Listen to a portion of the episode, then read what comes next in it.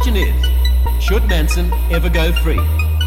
It's 10 years now since he and his three female accomplices, virtually robots under his control, were convicted of murder.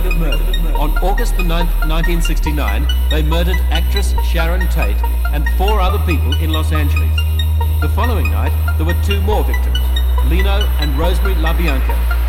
In court, Manson was also charged with two more mutilation murders.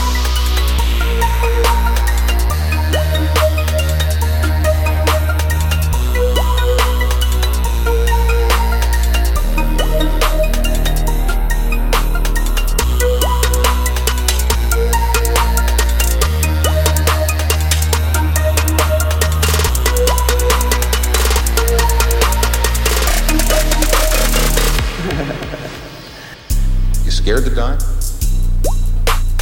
Sometimes I feel I'm scared to live. Living is what scares me. Dying is easy. Pain's not bad. It's good. It teaches you things. It teaches you things. Like when you put your hand in fire, I always know not to do that again. Yeah. I don't know pain. I don't know pain. I have no depth of pain. I have no depth of suffering. I don't know really. I don't know pain. No pain. No pain. No pain. No pain. No pain.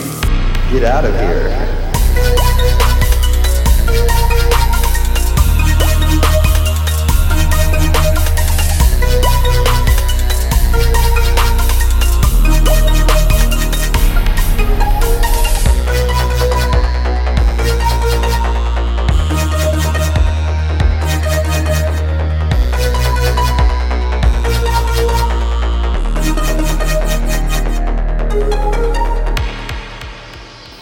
Scared to die?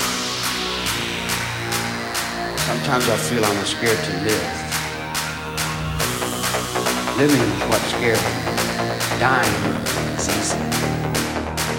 I don't know pain. I don't know pain. I have no depth of pain. I have no depth of suffering. I don't know ridicule. I don't know pain. No pain. No pain. No pain. No pain. No pain.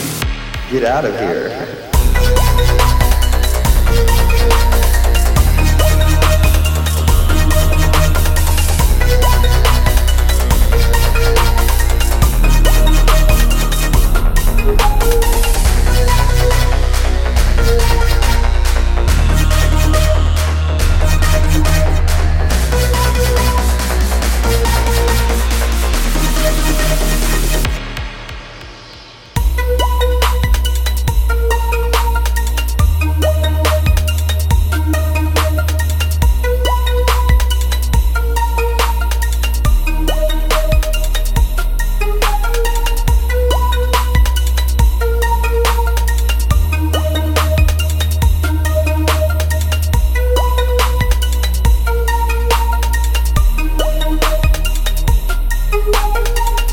ハハハハ。